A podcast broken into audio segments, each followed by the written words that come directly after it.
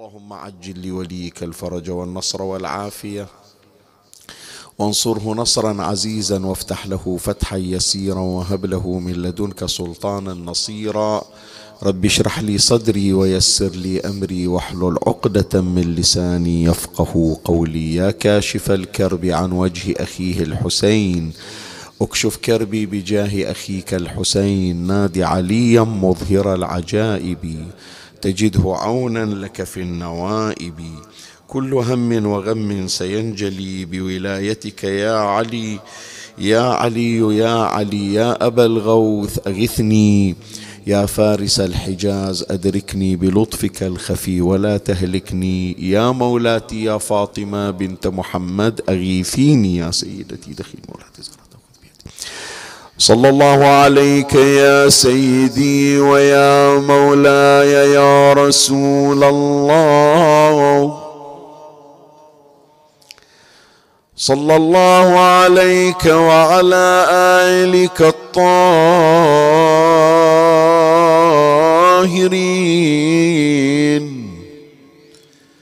فاز من اعتصم بكم وامنا من لجأ إليكم. يا ليتنا كنا معكم سادتي فنفوز فوزا عظيما. أعوذ بالله من الشيطان الرجيم. بسم الله الرحمن الرحيم. ألف لام ميم. ذلك الكتاب لا ريب فيه هدى للمتقين. الذين يؤمنون بالغيب ويقيمون الصلاة ومما رزقناهم ينفقون.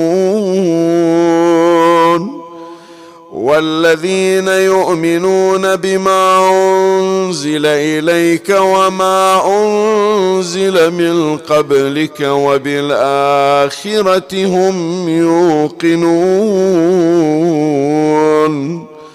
أولئك على هدى من ربهم وأولئك هم المفلحون.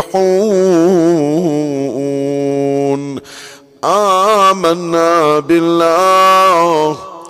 صدق الله مولانا العلي العظيم. تقدم الكلام في الليلة الماضية وأشرنا إلى أننا قد ابتدأنا سويا سلسلة مكونة من حلقات ثلاث بعنوان في رحاب سورة البقرة. وكل حلقة من هذه الحلقات الثلاث تحتوي على بحث مستقل بذاته. فكان الحديث في الليلة الماضية حول بعض من شؤون سورة البقرة. ذكرنا بعض الروايات التي تبين فضل هذه السورة عمن سواها وما لها من الشأن وما وردت من أخبار عن أهل بيت العصمة صلوات الله عليهم أجمعين في المواظب على قراءة هذه السورة وذكرنا ذلك بإسهاب نوعا ما. حلقة هذه الليلة عنوان بحثها الإعجاز في سورة البقرة. يعني إحنا من نقرأ سورة البقرة نشوف هناك عناوين ومفاهيم تناولتها السورة الشريفة. يعبرون عنها العلماء مقاصد. مقاصد شنو يعني؟ يعني ماذا تريد السورة أن تقول لك؟ شو تريد تاخذ من عندك من اهتمام حتى توجه انتباهك واهتمامك وعنايتك إلى هذه العناوين؟ مثلا أكو جوانب فقهية في سورة البقرة. أكو جوانب أخرى مثلا معرفية تريد تعرفك البقرة ببعض أو سورة البقرة ببعض قضايا الأنبياء حتى تستخلص من عندها دروس. هذه يسمونها العلماء مقاصد. يعني تقصد السورة من إشارة إلى هذا الأمر أن تلفت انتباهك إلى هذا الموضوع. واحدة من هذه المقاصد الإعجاز والمعاجز. يعني شوف 286 آية تقراها تشوف بين الآيات والآيات هناك قصة معجزة من المعاجز. معجزة مثلا بقرة بني إسرائيل معجزة مثلا أفرض قصة عزير معجزة مثلا أفرض قصة آه، أصحاب السبت اليهود من بني إسرائيل وما إلى ذلك. يذكر القرآن وتذكر هذه السورة مجموعة من المعاجز. لا وأكثر من ذلك أيضا. أول ما تبتدئ السورة تنبهك إلى أن واحدة من صفاتك أنت أيها المؤمن أنك تؤمن بالمعجز. ألف لام ميم ذلك الكتاب لا ريب فيه هدى للمتقين. منهم ذول المتقون؟ الذين شنو؟ يؤمنون بالغيب. الغيب وحدة ترى من المعاجز. يعني إحنا الآن مثلا من نسمع عن عصا موسى إحنا شايفين العصا؟ ما شايفين العصا لكن تعتقد بها. أمر غيب عنك لكن تعتقد بهذه المعجزة معجزة موسى. وهكذا سائر معاجز الأنبياء. معراج النبي صلى الله عليه وآله من ضروريات الدين. ماكو واحد مسلم يقول أنا عقلي ما يسمح لي أنه أعتقد بشيء اسمه معراج. شنو واحد من غير بدلة فضائية من غير لباس فضائي. يطلع يختلق يخترق الغلاف الجوي والغلاف الجوي لا نظام وقانون ضغط متوفر معرض مثلا إلى الأشعة الكونية متعرض مثلا إلى الحرارة الفائقة التي تصهر الجسم البشري يتعرض إلى النيازك والكواكب وما إلى ذلك. شنو واحد يطلع بلباسه العادي؟ لا ويصير برا الجو أحسن من فراشه. وبيته. هذا شنو شلون أعتقدها أنا اليوم؟ أي وكالة ناسا تقبل بهالحكي؟ أي علماء فضاء يقبلون هالكلام؟ لا وكل هذا في مدة زمنية قياسية. لا هي ضرورة. يقول لك إذا أنت مسلم لازم تعتقد بهذا لا زين ما يقر هذا الكلام العلم؟ لا هذا الاختبار. الاختبار مو فقط توقف تصلي. الاختبار مو بس تطلع من أموالك الاختبار مو فقط ثلاثين يوم تصومهم الاختبار هي القضايا من يقول لك النبي صارت تقول صارت. ولهذا لاحظوا يا أحبتي إحنا عندنا الصلاة عمود الدين مو تمام؟ حديث النبي صلى الله عليه وآله الصلاة عمود الدين يعني كل شيء قابل للهدم إذا كانت الصلاة غير مستقرة. ما يقدر واحد يقول أنا أصوم من غير صلاة ولا يقدر واحد يقول أنا أحج من غير صلاة بل كل عمل تقوم به لابد أن يكون مرتكز على العمود. شنو العمود؟ الصلاة. فالمفترض ما دام الصلاة عمود الدين غير هي أول شيء يكون يبتدأ بها. لو لا شايف واحد يبني بيت يخلي أعمدة البيت وركائز البيت آخر شيء لو البيت ينبنى على العمود طيب. لكن من إجت الآية الشريفة؟ ما قالت الذين يقيمون الصلاة ويؤمنون بالغيب؟ بدت بشنو؟ بدت أول شيء بالإيمان بالغيب. الذين يؤمنون بالغيب ويقيمون الصلاة ويؤتون الزكاة ومما رزقناهم ينفقون. الذين يؤمنون بالغيب ألف لام ميم ذلك الكتاب لا ريب فيه هدى للمتقين. الذين يؤمنون بالغيب ويقيمون الصلاة ماكو ويؤتون الزكاة ومما رزقناهم ينفقون. خلى العبادات كلها قائمة على الإيمان بالغيب. يعني هذا اللي يصلي لو شنو من صلاة عنده؟ إذا أكو بعض الأشياء الغيبية التي ثبتت عنده بس يقول عقلي ما يسمح بها سامحنا. حتى صلاتك هذه موضع إشكال. حتى صلاتك هذه لا يعول عليها. لأن دينك هذا كله قائم على إيمان. شلون واحد يا جماعة يؤمن بالغيب؟ العفو. يصلي لكن ما يعتقد بأنه سوف يعود إلى الله في نهاية هذه الصلاة. ينكر البعث ينكر الجنة والنار ينكر الثواب والعقاب ينكر الملأ. شلون؟ صلاته شو تفيده سؤال أسأل. شو تفيده صلاته. ليش إحنا عدنا يا إخواني بأنه هذا اللي يصلي إذا كان ينكر ولاية علي بن أبي طالب عليه السلام؟ مع العلم مرة واحد لا. هذا فقير الله يتصور بأن علي كسائر المسلمين أو كواحد من الصحابة ما وصل إلى الحق بس واحد وصل إلى الحق. قرأ وثقف لكن قال ما معتقد أنه علي بن أبي طالب أمر من الأمور اللازمة الضرورية. لا صلاتي أفضل من علي بن أبي طالب. هذا شيء يسوي باكر يوم القيامة إذا اكتشف بأنه لا يجوز أحد على الصراط إلا بصك من علي بن أبي طالب. هذا شلون باكر شي يدبرها من يعرف بأنه ما يقدر واحد يطب للجنة إلا يشرب من حوض النبي حوض الكوثر والساقي على الحوض من هو. علي بن أبي طالب. يقول إيه ثبت عندي الحق لكن قلبي ما يطاوعني. أقول علي هو ولي الله. من كيفي ما يعجبني؟ يقولوا صلاتك شو تفيدك صلاته شو تفيد ذيك الساعة.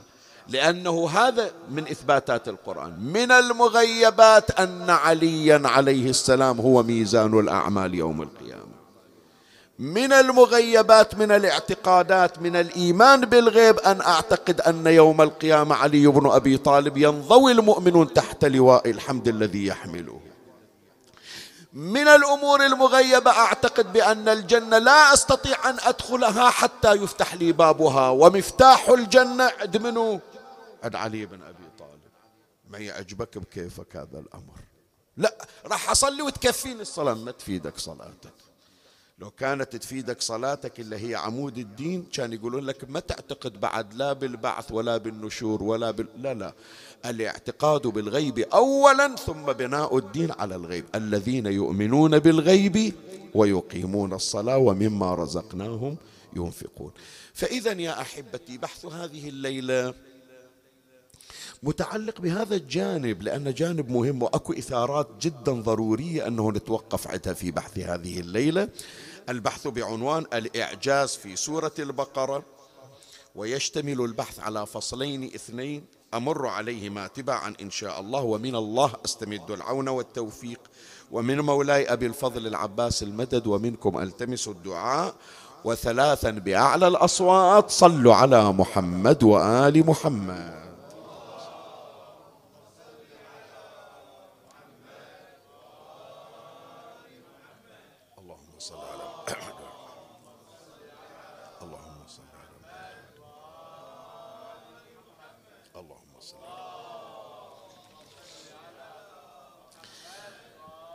مولاي الكريم أنت حيثما كنت اسمعني وفرغ لي قلبك وأعرني سمعك وأقبل علي بكلك.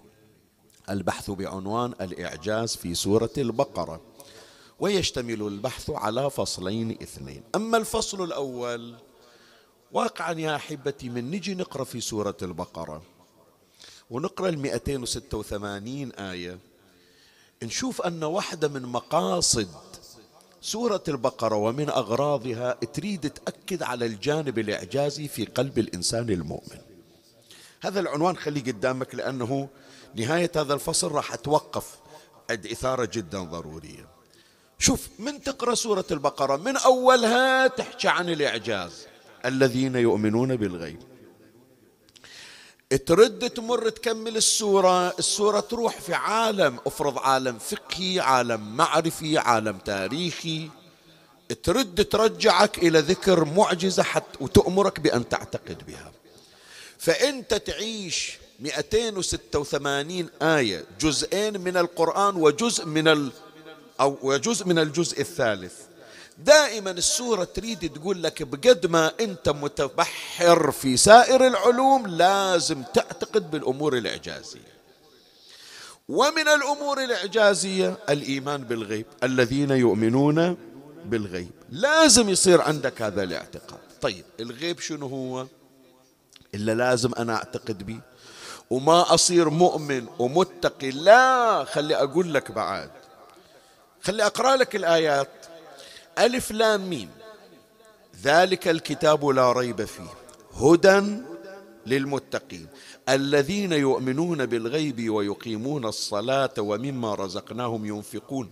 والذين يؤمنون بما أنزل إليك وما أنزل من قبلك وبالآخرة هم يوقنون. أولئك على هدى من ربهم وأولئك هم المفلحون. يعني واحد إذا وخر الجانب الغيبي والجانب الإعجازي هذا يصير على هدى لو على ضلال. إيه القرآن يقول ما يصير فقط العبادات والطقوس تأديها وتتصور أنت على هدى. لا الهدى لازم منظومة كاملة. وبداية هذه المنظومة أن تعتقد بالأمور الغيبية والأمور الإعجازية. زين الغيب ما هو؟ الغيب اجوا المفسرون يتكلمون فيه. حطوا تفسيرات عدة سواء من سنة أو شيعة. مفسري السنة أو مفسري الشيعة. بس إجوا إلى هذه الخلاصة. أن الغيب كل ما لا يدرك بالحواس شيء لا أشوفه لا أسمعه لا ألمس بإيدي. لكن وصل إلى مسامعي الخبر عنه فصرت أعتقد به كأني قد لمسته وأدركته بالحواس. شلون؟ خلي أقول لك. الآن أكو واحد من المسلمين يشكك في عصاة موسى. واحد يقول له شنو هالخرافات؟ عصا يابسة تتحول إلى ثعبان إلى أفعى يلتقف. ما يأفكون يحطونها على البحر ينشق البحر يطلع منها ضوء ويمشي يهتدي. شنو هذه؟ هذا ولا بأفلام الرسوم المتحركة تجيبها. لو ي... الأطفال ما يصدقونها. لا أصدقها. وعندي كأنما هي قد لمستها باليد. ليش؟ يؤمنون بالغيب. هو غيب ما شفناها إحنا.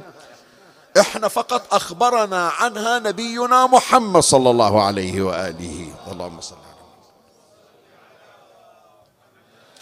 ما أدركتها بالحواس لكن لما وصلني الإخبار عنها صرت أعتقد بها. أصلا لو واحد يقول شيخنا هذا تصور مو صحيح اللي موجود بالقرآن إحنا فهمنا غلط. أقول له اتق الله إيمانك في خطر لأنه شرط الإيمان الإيمان بالغيب وهذا من الغيب. إحنا ما لمسنا بالحواس أخبرنا عنه. فمرة الإخبار بالغيب ركز في هالعبارة. مرة أمر قد حدث في الماضي. ما شفته وما سمعته وما أدركته لكن أخبرت عنه. فصار الأمر في قلبي. منها المعاجز منها الجنة والنار منها الثواب والعقاب. منها الملائكة. الملائكة أنا ما شايف ملك بس أعتقد ليلة القدر أروح المسجد أكو ملائكة داير مداري. شفتهم شيخ ياسين؟ لا ما شفتهم لكن لما أخبرني القرآن وأخبرني النبي وأخبروني أهل البيت صرت كأنما أنا أشوفهم الجن خو ما شايف شوين الجن. بس القرآن خلى سورة وسماها سورة الجن. وأخبر بأن الجن قد جاءوا إلى النبي صلى الله عليه وآله في مواطن عدة وآمنوا به وقرأ النبي عليهم القرآن وأن عليا كما ورد إمام الإنس والجن. زين أنتم اللي تقولون علي إمام الإنس والجن. شايفين أنتم لا ما شايفين. بس إحنا نعتقد بهذا الأمر. صح أمر قديم لكن نعتقد به. فإذا الاعتقاد بالغيب مرة شيء قد وقع. ما شفته أنا؟ ما سمعت لكن أخبروني عنه فاعتقدت به وهو شرط الإيمان. ومرة شيء راح يجي في المستقبل. متى راح يجي؟ ما أدري. بس لازم أعتقد بالغيب الذي سيقع مستقبلا. وفي طليعة الأشياء التي ستحدث في المستقبل وأنا ما شفتها وما سمعت عنها شنو هي؟ خروج إمامنا صاحب العصر والزمان قائم آل بيت محمد صلوات الله عليه. فلهذا يا إخواني ركزوا شباب بناتي أولادي إلا ويانا في المجلس إلا عبر البث الافتراضي. من تقرون هذه الآيات أول ما تفتح القرآن. على يمينك سورة الفاتحة على شمالك أول صفحة من سورة البقرة. وتقرأ ألف لام ميم ذلك الكتاب لا ريب فيه هدى للمتقين الذين يؤمنون بالغيب. يا غيب! بعض الروايات تشير الذين يؤمنون بالغيب يعني يؤمنون بخروج الإمام المهدي في آخر الزمان. شوف أول القرآن يتحدث عن الإمام المهدي. خلي أقرأ لك الآن التفسير اللي يذكرونه علماء الشيخ الطبرسي على الله مقامه والروايات الشريفة أيضا. يذكر الشيخ الطبرسي على الله مقامه في مجمع البيان الجزء الأول صفحة 121 يشرح شنو معنى الغيب. ذاكر مجموعة آراء وجاب هذا الرأي. الغيب ما هو؟ قال ما غاب عن العباد علمه. عن ابن مسعود ينقل الرواية عن ابن مسعود وجماعة من الصحابة. وهو أولى يعني أصح الآراء في تفسير معنى الغيب. يقول هذا هو. ما غاب عن العباد علمه. عن ابن مسعود وجماعة من الصحابة. وهذا أولى لعمومه. بعد شاهدنا في العبارة ويدخل فيه ما رواه أصحابنا من زمان غيبة المهدي عليه السلام ووقت خروجه. يعني من تقرأ الروايات ومن تقرأ الأخبار عن أهل البيت شلون الإمام راح الله يطول مدة غيبته وشلون راح ياخذ يخرج في آخر الزمان ويسبق خروجه علامات منها حتمية ومنها غير حتمية وإن جبرائيل سوف يهبط من السماء. إلى ظهر الكعبة وسيلتقي الناس بالإمام المهدي وسيهبط عيسى ابن مريم وسيخرج حتى تكون عاصمة دولته الشريفة في مسجد السهله في أرض الكوفة ويملأ الأرض قسطا وعدلا بعدما ملئت ظلما وجورا. هذه ترى عقيدتنا أول عقيدتنا قبل الصلاة والصيام. الذين يؤمنون بالغيب ويقيمون الصلاة تالي الغيب شنو؟ شيخ الطبرس يقول واحدة من عدها خروج صاحب الزمان في آخر الزمان عجل الله فرجه الشريف. هذا رأي المفسرين. الروايات أكو رواية عن الإمام الصادق عليه السلام. يرويها العلامة المجلسي عليه السلام. يرويها العلامة المجلسي على الله مقامه في بحار الأنوار الجزء 51 صفحة 52 قال الإمام الصادق في تفسير قوله تعالى الذين يؤمنون بالغيب قال من أقر بقيام القائم عليه السلام أنه حق. أنه حق يعني شنو؟ يعني عقيدة أمرني بها القرآن. الذين يؤمنون بالغيب يعني الغيب المستقبلي. سوف تكون هناك دولة ربانية يحكمها الإمام المنتظر وتأتي دولته بالمعاجز. وبالأمور التي أخبرنا عنها هذا الاعتقاد تطبيق لقوله تعالى الذين يؤمنون بالغيب. شوية الآن من بعد هذا الاستعراض. خليني أوقف وياك شوية. وأريد عمي تسمعني مو بإذنك لا افتح لي مسارب قلبك. إذا أكو باب مسكر بقلبك افتحه وتلقى كلامي بقلبك وخلي عندك وتأمل بي. اليوم أكو دعوة يا إخواني إلى أن المنبر لابد أن يكون بعيدا عن نقل المعاجز والكرامات والفضائل. إي بعضهم يقول ليش المجالس الحسينية دائما إلا ذكر كرامة ومعجزة وفضيلة؟ زين اليوم يختلف عن الأمس. الامس إحنا قاعدين بالبحرين هذول مساكين أهل العراق قاعدين جايبين لهم خطيب خمس دقائق عشر دقائق يقرأ لهم نعي. لو جاب لهم فضيلة وهكذا سائر شيعة أهل البيت بالخليج وبغير الخليج ما حد يدري عنهم. إيش دراهم؟ إيش قاعدين يقرون في مجلس الدعيسي أو إيش قاعدين يقرون في العراق؟ بس الآن لا الزمن اختلف. الآن حضراتكم قاعدين بالمجلس تسمعوني مباشرة. بس اكو نقل مباشر يروح عبر العالم. شباب البارحة كانوا فاتحين التقرير بقناة اليوتيوب. كل العالم يسمعنا من أقصى المشرق إلى أقصى المغرب. زين فهذا الكلام يوصل إلى العالم.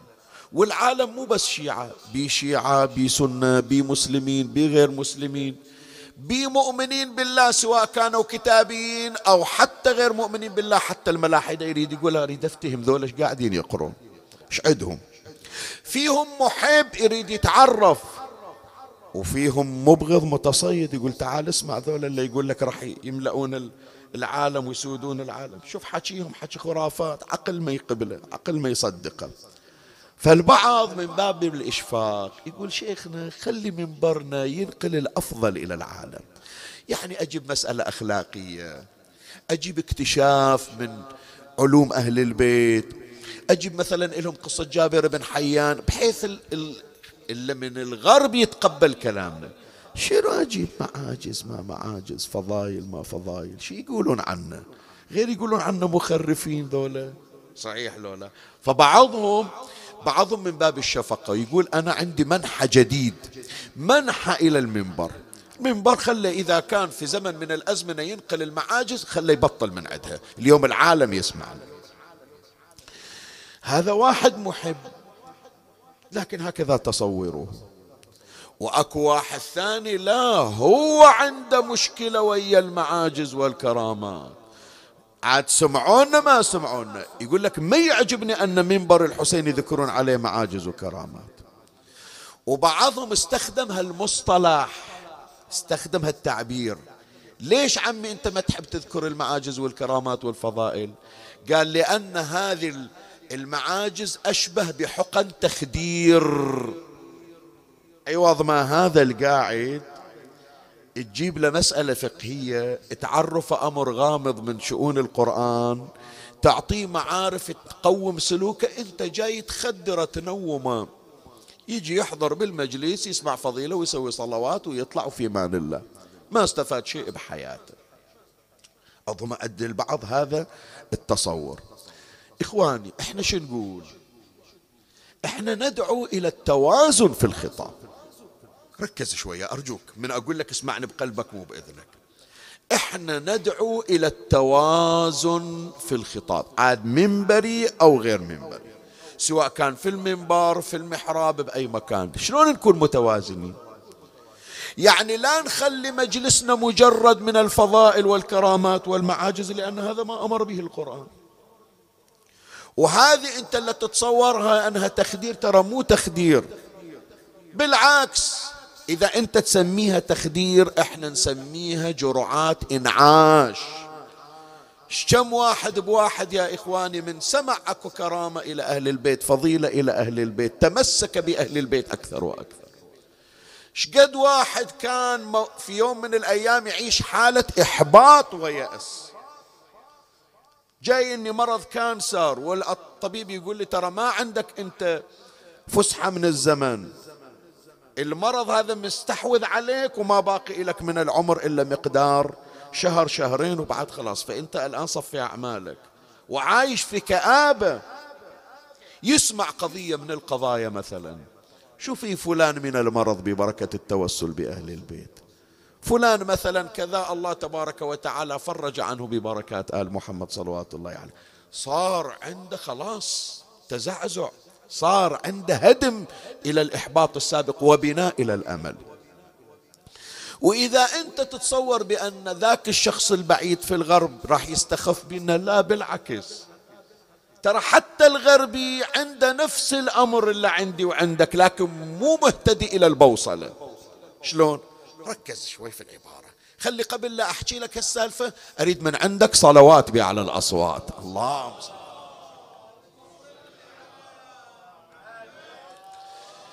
بس سؤال أسألك شفاء المرضى ببركات أهل البيت. بس عندنا إحنا في بلداننا برا ما تصير. شو تقولون؟ لو بكل العالم إيش كم واحد بواحد كان يوم من الأيام ميؤوس من علاجه طبيا؟ أو افرض هذا مثلا هو مسلم شيعي لكن مودينا يعالجونه بفلان مكان. لو بألمانيا لو ما بغير ألمانيا. اللي يعالجه يمكن ملحد مو مسلم. وكل التقارير وكل الأشعة وكل التحاليل وكل نعم الاستشارات تؤكد على أنه سوف يفارق. مستحيل راح ينجو من هذا الأمر. يجون إلى يوم الثاني يسوون إلى تحليل من جديد يسوون إلى أشعة من جديد يعرضون إلى الاختبار من جديد يشوفون بيور صافي ولا ذرة مرض. أنا وأنت نقول حضروا أهل البيت. صحيح لو لا؟ المؤمنون المسلمون حتى غير الشيعي يقول هذا الله نجاه. بركات قراءة القرآن بركات دعاء المؤمنين الله رحمه. الملحد الدكتور الملحد اللي أصلا ما يعتقد بالله شي يقول؟ خو هذه حالات عرضوها. إحنا ما جايين يا جماعة نسولف عن شيء مضمون. نحكي عن شيء مشاع في العالم. فلان هذا الآن على وشك مفارقة الحياة. كل الأطباء أجمعوا على موته. فد مرة وإذا قام حرك الأجهزة شال جهاز التنفس قام. كل شيء ما بي من يجون يحللون القضية الدكاترة شي يقولون؟ ما عندهم تفسير. خو لا يعتقد بالحسين ولا يعتقد بالله أصلا. شي يقول؟ يقول تشبث بالحياة. مر عليك المصطلح؟ ليش فلان هذا أمس أنتم قررتوا غلطاني قال مو غلطاني شلون اليوم قام ما في شيء؟ يقولون تمسك بالحياة تشبث في الحياة فلما تشبث بالحياة مضى المرض وجاءت الصحة والعافية. سؤال أسأل شنو تشبث بالحياة؟ فسرها إلي هذه الآن. شنو يعني تشبث بالحياة؟ زين هذا الذي يريد يدفع الموت عنا ويبقى على قيد الحياة. من يتشبث بالحياة يصير لك الواحد. اليوم الأطباء بمراجعهم الطبية بكتبهم بمصنفاتهم بتقاريرهم أكو شيء لما واحد يتمسك بالحياة ويتشبث في الحياة يوخر الموت ويبقى على قيد الحياة. أكو شيء موجود؟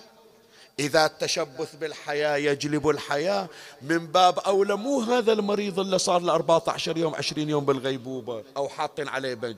المفروض هذا المحكوم بالإعدام إلا ودوه إلى حبل المشنقة أو إلا راح يطلقون عليه طلقة الرحمة. ما دام عنده تشبث بالحياة حبل المشنقة ما يقتله. صحيح لو لا؟ غير أنتم تقولون بأن التشبث التشبث بالحياة منجي.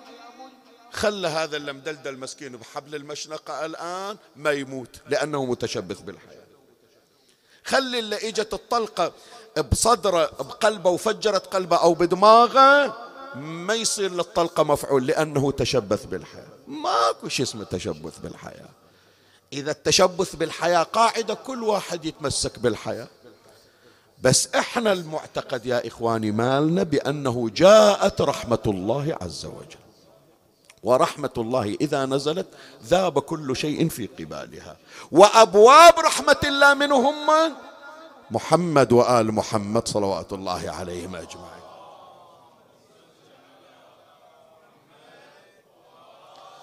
فصار يا إخواني هذا الإخبار هذا الإعلام نشر معاجز أهل البيت خصوصا إذا كانت موثقة. أنا ما أحتاج إلى الاختلاق والكذب. ما أقول واحد لا عم الدنيا مليئة سواء من القديم من الكتب أو اليوم الموجودة بالتوثيق والتقارير. شيخ الوائلي ويا بنته واحد من النماذج. شيخ الوائلي هو لما أصيب بالكانسر بحلقة وتوسل بالإمام الرضا عليه السلام وقصيدته وعاد إلى المنبر من جديد. سيد جاسم رحمة الله عليه وما أكثر ما مر عليه. وغيرها من القضايا الموثقة ما أحتاج أني أنا أختلق شيء من فراغ. وهو الفن والذكاء مو أنه أنا أنسف شيء ثابت. لا أقول يا جماعة يا أطباء يا مستشفيات العالم يا مختبرات العالم تفضلوا هذا تقرير فلانة مريضة كبيرة في السن الأطباء أجمعوا بأنه لا علاج لها. هذه تقريراتها هي تقريراتها عقب يومين قامت كل شيء ما بيها. حلوها إلنا أفتونا مأجورين. وخلي العالم يتعرف من خلال معاجز أهل البيت على رحمة الله ورحمة آل محمد وأننا أناس مميزون باعتقادنا. مو مخترع مو مخترع مخترع يعني شنو؟ يعني مو خايف مو جبان. أنا ما جاي أختلق شيء وأدار من وراء. وهم أيضا من أقول توازن هذا جانب الجانب الثاني ليجيني أيضا واحد. ويقول لي شيخنا أريد أجرد المنبر من كل ما ينفع الناس. صح النية حسنة وطيبة. النية حسنة وطيبة. المنبر يقول لك وضع للبكاء على أهل البيت. المنبر فقط للنعيم. المنبر فقط للإبكاء للبكاء والإبكاء. ما أجيب مسألة فقهية على المنبر أنفع بها الناس. ما أنطي الناس توجيه وتقويم لسلوكياتهم. وإصلاح لشؤون حياتهم. لا اقرأ نعي وانزل. خلاص بس كافي هذا. لا هذا ما يسمونه توازن. زين. توازن شنو؟ أن أجمع بين الأمرين. إعجاز الذين يؤمنون بالغيب. معارف ويقيمون الصلاة. شوف ما قالت السورة الشريفة الذين يؤمنون بالغيب وسكتت. ولا قالت أنطيهم بس جوانب فقهية يقيمون الصلاة وسكتت. جمعت بين الأمرين. وإذا أردت أن ترى القرآن الناطق فانظر إلى سادة القرآن وأهل القرآن من هم محمد وآل محمد صلوات الله عليهم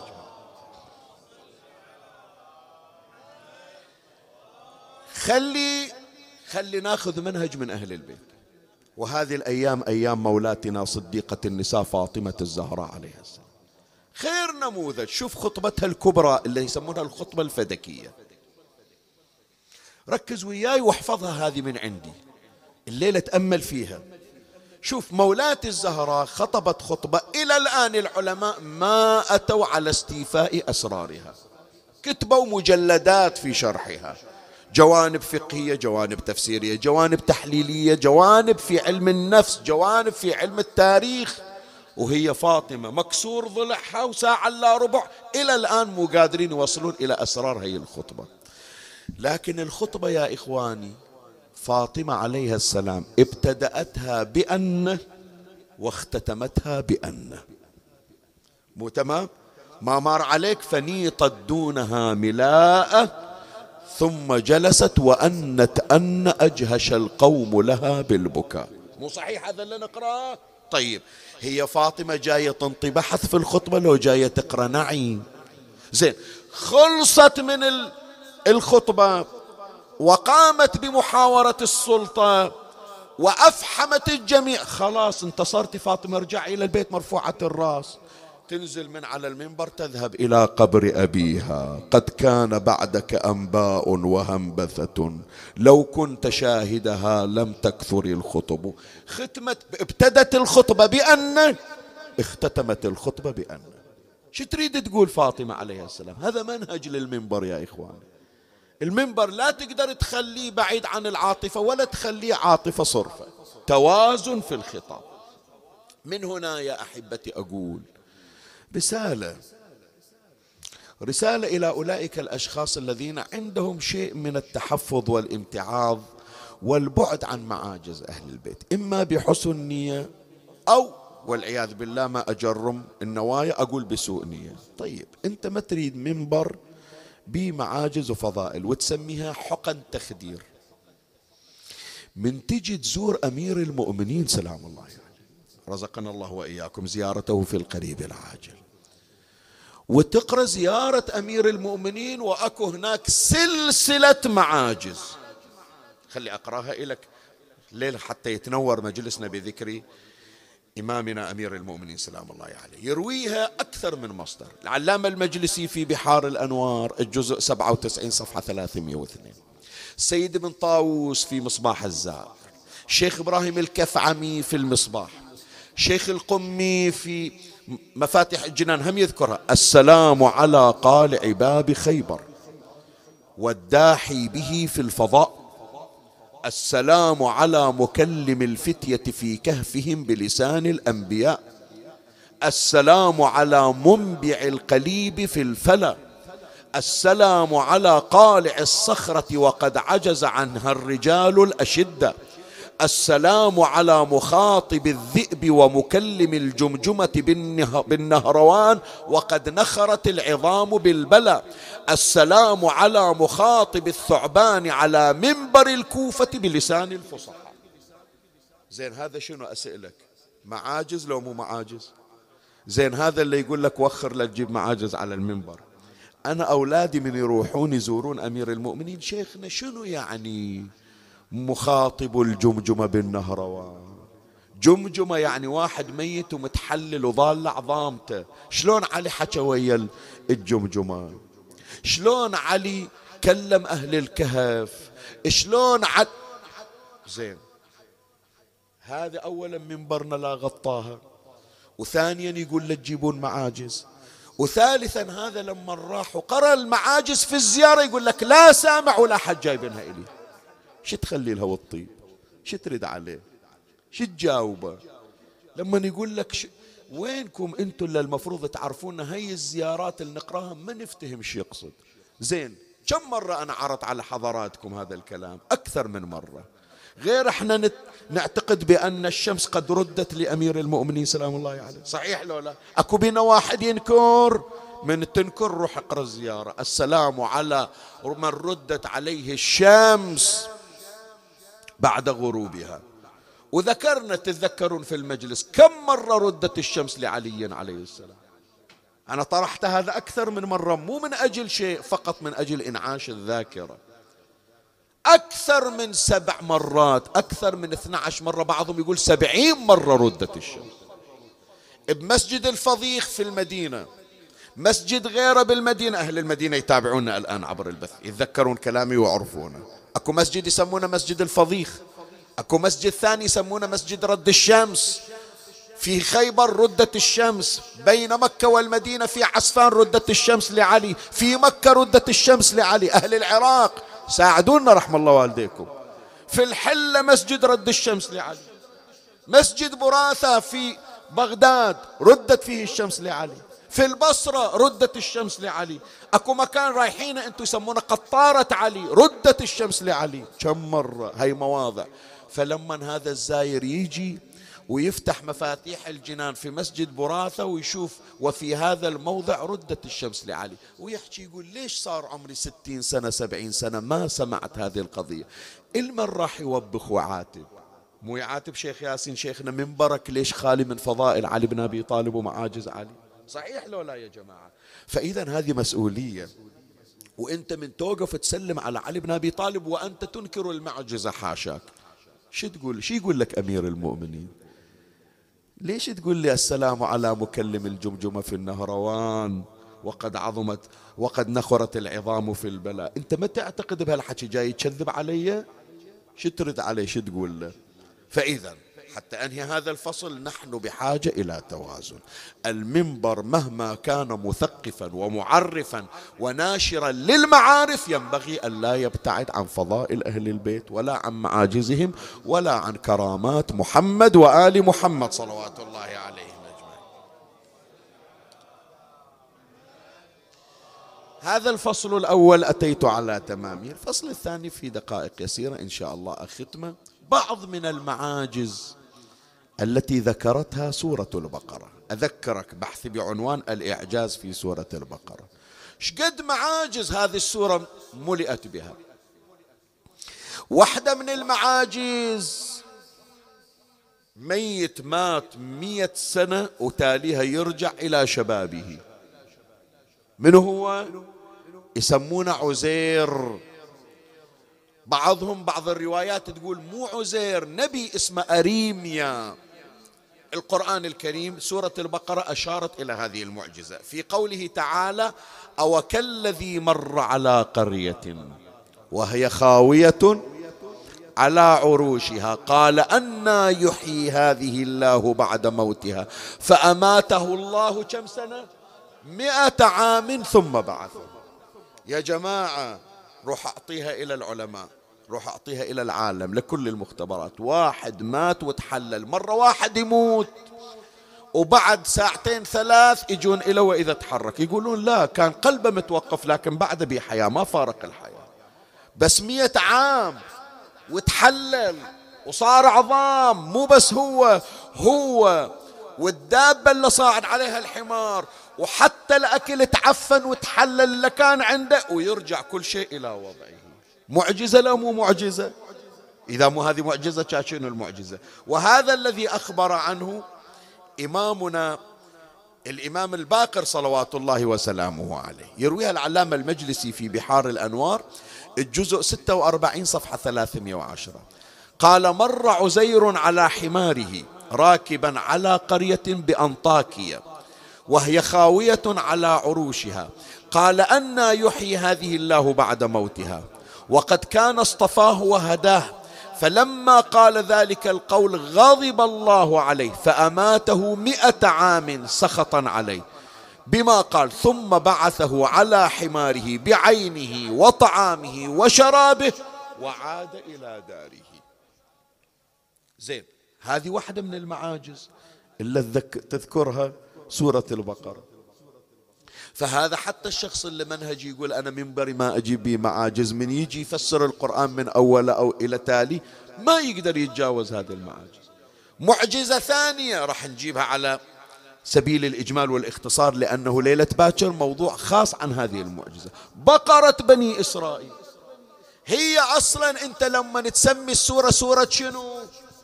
رد علي خلي أسمع صوتك. ورا سورة الفاتحة سورة شنو؟ بقرة يعني شنو؟ البقرة هي هذه. بقرة ماتت ذبحوها. تاليها مو بس بيها حياة تعطي الحياة.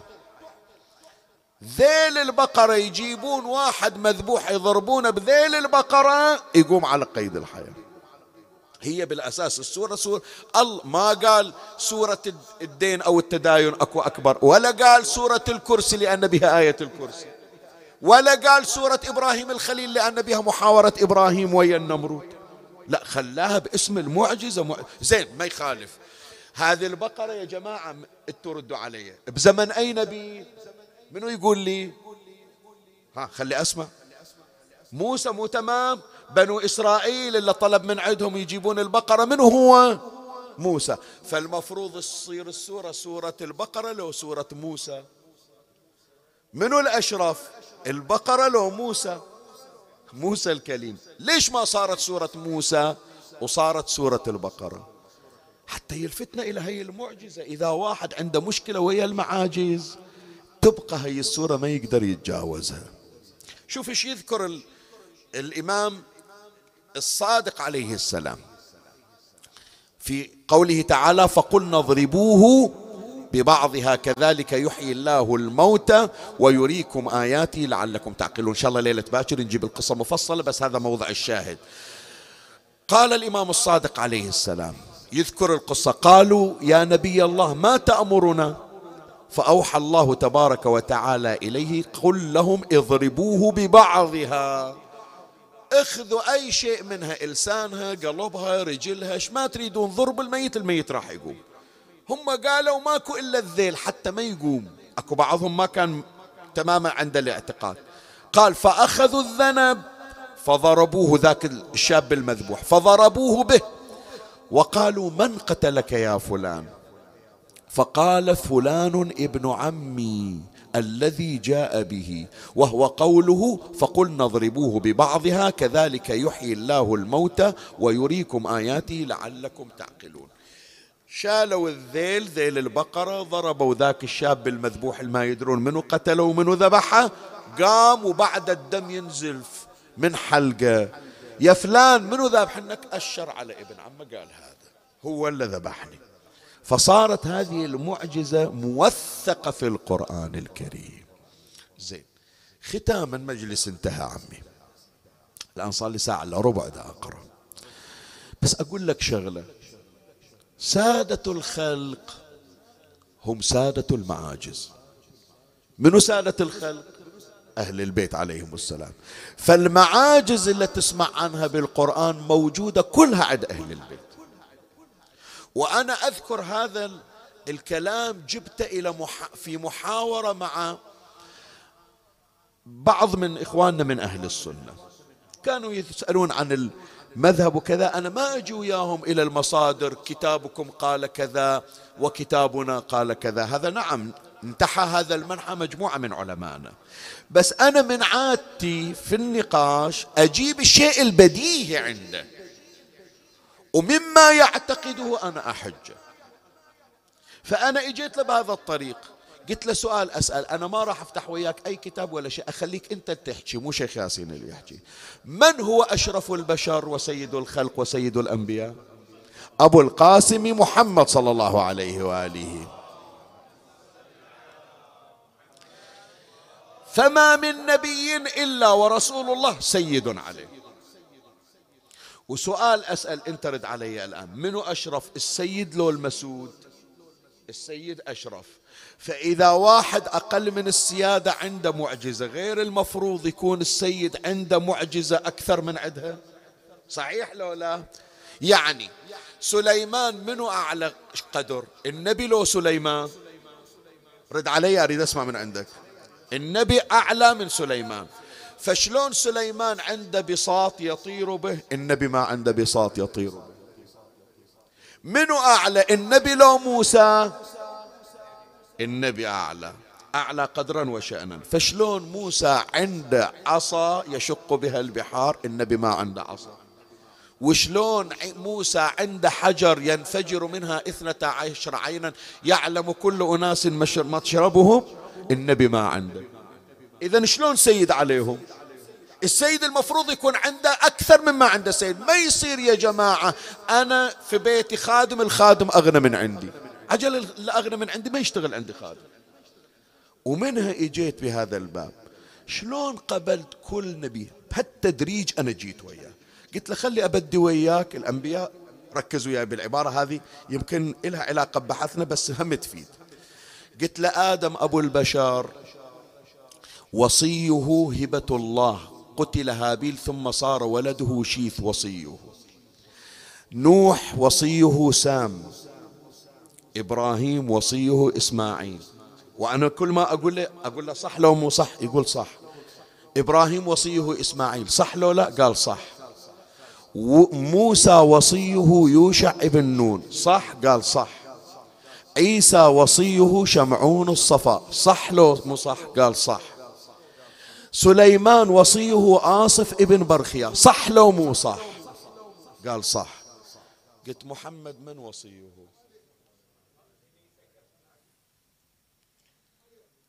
قال شورى قلت له شلون إذا يكون سيد الأنبياء؟ كل واحد عنده وصي من إجا سيدهم ما عنده وصي. ما. ما. قلت أنت تقول ما عندك. النبي يقول وبالتالي اختلت سنة الأنبياء. النبي يقول كل الأنبياء على سنة واحدة. الأنبياء عندهم معاجز كل الأنبياء عندهم معاجز. الأنبياء عندهم أوصياء كل إجا النبي كسر العادة. لا عنده معاجز ولا عنده أوصياء. بتقول لي معجزة القرآن؟ طيب وذيلاك المعاجز؟ يعني النبي ما عنده؟ لا. كل هذه الأمور عند رسول الله. بينما إحنا لا على الجادة السليمة. إذا كان كل نبي عنده وصي واحد فإن النبي فإن النبي عنده اثنا عشر وصي. أولهم علي وآخرهم الحجة بن الحسن. عجل الله فرجه الشريف وبالتالي معاجز الأنبياء إلا تسمعها ولا تقرأها بالقرآن موجودة عند أهل البيت. وذاكرينها ما يحتاج نعيدها. من يطلع إمامنا صاحب الزمان كل معاجز الأنبياء يطلعها. يطلع قميص يوسف يطلع خاتم سليمان يطلع عصا موسى. كل هذه المعاجز اللي نقراها بالقرآن تابوت السكينة. حتى يقول لهم ترى أنا مو جاي مخترع ولا جاي مختلق. كم واحد قشمركم قال أنا على خطى المهدي؟ هذا واحدة من الامتحانات. أنت صح المهدي اللي جاي بخلافة الله طلع معاجز الأنبياء. وهكذا كان أهل البيت يجيبون المعاجز القرآنية ويستدلون بها. واحد منهم الإمام الهادي عليه السلام. أذكر لك القضية القضية جدا جميلة. وهي ختام المجلس المقدار كافي. يوم من الأيام الإمام الهادي صلوات الله عليه مخلص الحج وطالع من الحج رايح المدينة. فمر على واحد من خراسان جاي حج وطالع من خراسان جاي إلى مكة على حمار الله. من خلص الحاج يريد يطلع من مكة راجع إلى بلده الحمار نفق هلك.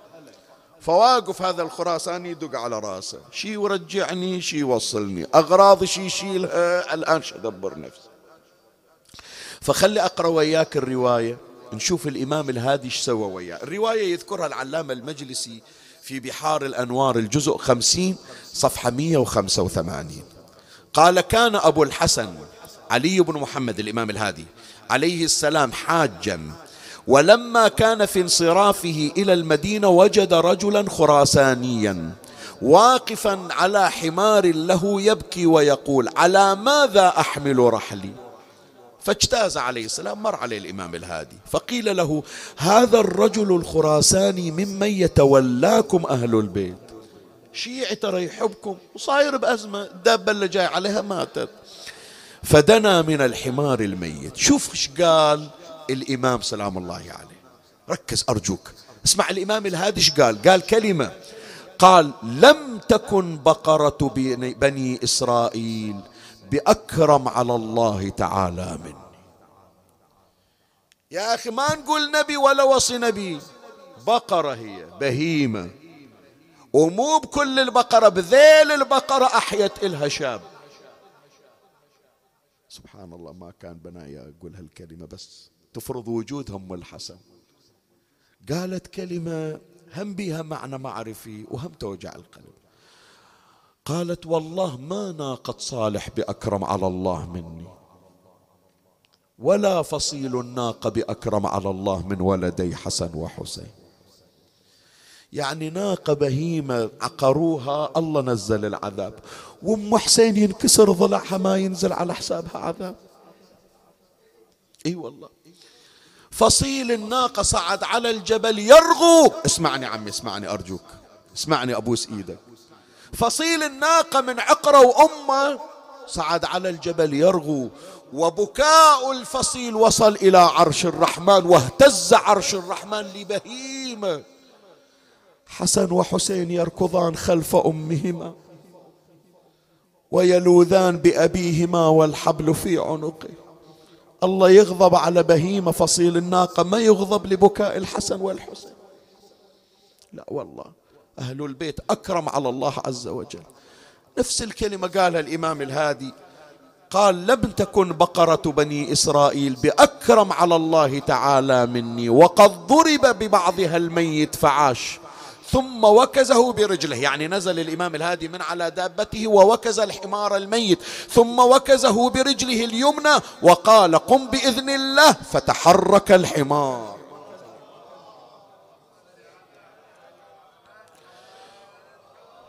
ووضع الخراساني رحله عليه وأتى به المدينة وكلما مر عليه السلام الناس من سمعت بالقضية قالوا أكو حمار فارق الحياة هلك. لكن اجى الإمام الهادي وقال السر الذي به أحيا الله الإسرائيلي بذيل أو ببعض البقرة. وعاش الحمار قال وكلما مر عليه السلام أشاروا عليه بإصبعهم وقالوا هذا الذي أحيا حمار الخراسان. انتشر الخبر. ترى الناس زاد اعتقادها بالإمام الهادي. ودوه إلى سر من رأى وضعوه رهن الإقامة الجبرية. منعوه من الاتصال بشيعته ومحبه. حتى بقية أهله ما خلوهم يوصلون إليه. عند ولد أكبر أولاده سيد محمد سبع الدجيل. مشى عنا الإمام الهادي وهو بعد شاب. وما شاف أبوه ولا أبوه شافه ذاك اليوم تعلق قلب سيد محمد بلقيا أبيه. لا أبوه وياه لا أخوه وياه الليلة مجلسنا على شرف سيد محمد سبع الدجيل قاضي الحاجات ما توسل به إلى الله متوسل فرجع خائب يا إخواني. طلع سيد محمد رايح إلى سر مرة وصل إلى بغداد وصل الخبر إلى الدولة العباسية. قالوا ترى ابن الهادي واصل إلى. قال ليوصل ليشوف أبوه. دسوا له سما في بغداد وثقل حاله. لا أصر على الوصول إلى سر من ورأى إلى أن وصل إلى منطقة بلد الدجيل حاليا حيث مرقده الطاهر. وقع بعد شاب بتوه بعمر الورد. لكن السم عمي قطع جوفه. وقع على الفراش قال ما بي بعد. هذا مقدار ما أتمكن. ما بقى شيء على سر من رأى لكن السم أخذ مني ما أخذ. يا جماعة يا أهل البلد مروتكم ما واحد يروح يخبر أبويا يجي أشوفه قبل لا أموت. واحد من أهالي بلد انطلق مسرعا راح إلى سن رأى إجا إلى الإمام الهادي قال له سيدي عجل.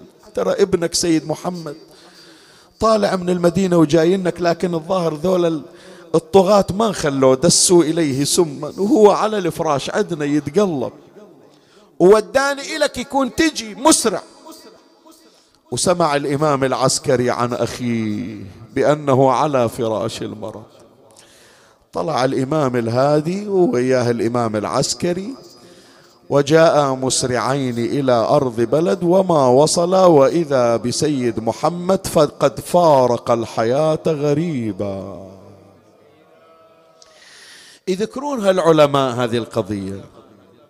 من اجى الإمام العسكري شاف اخوه ممدد على الفراش حط ايده على جيبه شق جيبه نصين.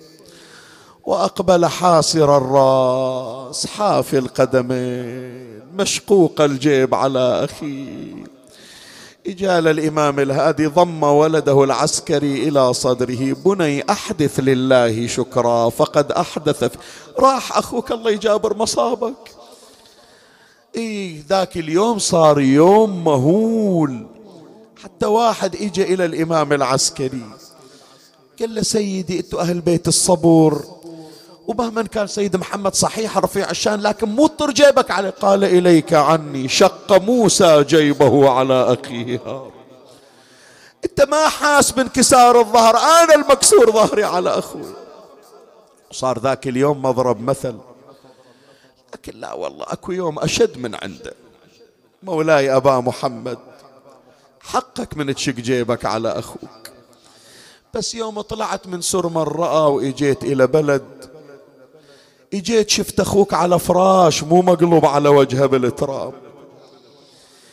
أهل البلد ما قصروا كلهم فزعوا وتركوا بيوتهم قعدوا يم. بعد من اجيت انت مشقوق الجيب اجالك أبوك ضمك إلى صدره. هلم الخطب إلى من فقد اخاه في كربلاء. وطلع من المخيم مسرع شلون شافه على فراش لو على التراب. تعنا تعنا تعنا من الخيم للعلق محزن. تعنا من الخيم للعلق محسن يصيح بصوت يا أخويا طحت أنا بعد ما أشوف بعد ما أشوف درب يا ضي العين. يا خويا الكون كله بعيني يا ظلام. آخ آخ. الله يجمع إن شاء الله بين الإخوان ويعيشون بهناء وسعادة. والفاقد أخوها الله يجبر مصابه وصل وإذا أبو الفضل بلا كفه. يا خويا يا خويا بياك ترطاحت زنودك. يا خويا بياك ترطاحت زنودك زنودك. يا خويا العلم وين وين جودك؟ يا أبو فاضل يا أبو فاضل زمان هب يعودك وشمل اللي تشتت بيك يلتوى. مغمى عليه أبو فاضل. قعد الحسين متربع وشال راس أخوه خلاه بحضنه وقام يمسح الدم من على وجهه ووصل عند السهم وكان قام يريد يحرك السهم من عينك وإذا يسمع الصوت آه منو هذا اللي قاعد يحرك السهم من عيني؟ خلي أشوف الحكاية توجع قلبك لولا. يا عباس أنا حسين يمك. يمك يمك. خويا واختلط دمع فيض دم خويا سكنة سكنة تسلي الطفل باسمك تقل ساعة ويجيب الماء يا عمك خلي أسمع الونا من عندك. ساعة ويجيب الماء.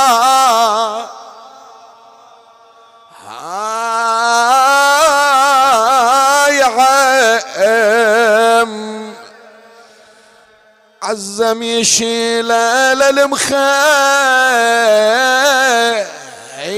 قال مارو. البيت إلك أنت تقرأ. خلني على الشاطئ عالج طلعت ليش أبو فاضل ما أقدر أروح الخيام؟ وانظر زينب تنور وانظر دمع سكنة على الخدين ساجب بينما يكلمه وإذا العباس مالت رقبته وفاضت روحه. قام حسين واضعا يده على خاصرته. ينادي ألآن انكسر ظهر. طلعان النسوان من المخيم طلعان. وينك أبو علي؟ قال واليسار واليسار أنا الدهر ما يوم فرحني. يا أسير الكربات يا أبا عبد الله. واليسار علي لملم محاشيم واليسار أسر الله قلوبكم بقضاء الحوائج. كل المجلس وببيوتكم صيحوا واليسار. وقع عباس لا يمنع. ولا يسار وانكسر ظهري وعدو شمت بي. عباس تسمع زينبا تدعوك من لي يا أخي. إذا العدا ضربوني يقل لها يا زينب راح عباس وراح العضيد ليرفع اللهم صل على محمد وآل محمد. يا قاضي الحاجات يا مجيب الدعوات يا سامع الشكايات اسمع لنا واستجب يا الله. اللهم فرج عنا وعن المؤمنين وعن سائر المسلمين سيما المنكوبين واقض حوائجنا يا رب العالمين. عجل اللهم فرج إمامنا صاحب العصر والزمان. شرفنا برؤيته وارزقنا شرف خدمته. المؤسس تقبل اللهم عمله وبارك في رزقه ومن عليه بالصحة والعافية وطول البقاء. اللهم ترحم على موتاه وموتانا وموتى المؤمنين والمؤمنات. أوصل لهم جميعا ثواب هذا المجلس الشريف وبلغهم ثواب الفاتحة مع الصلوات.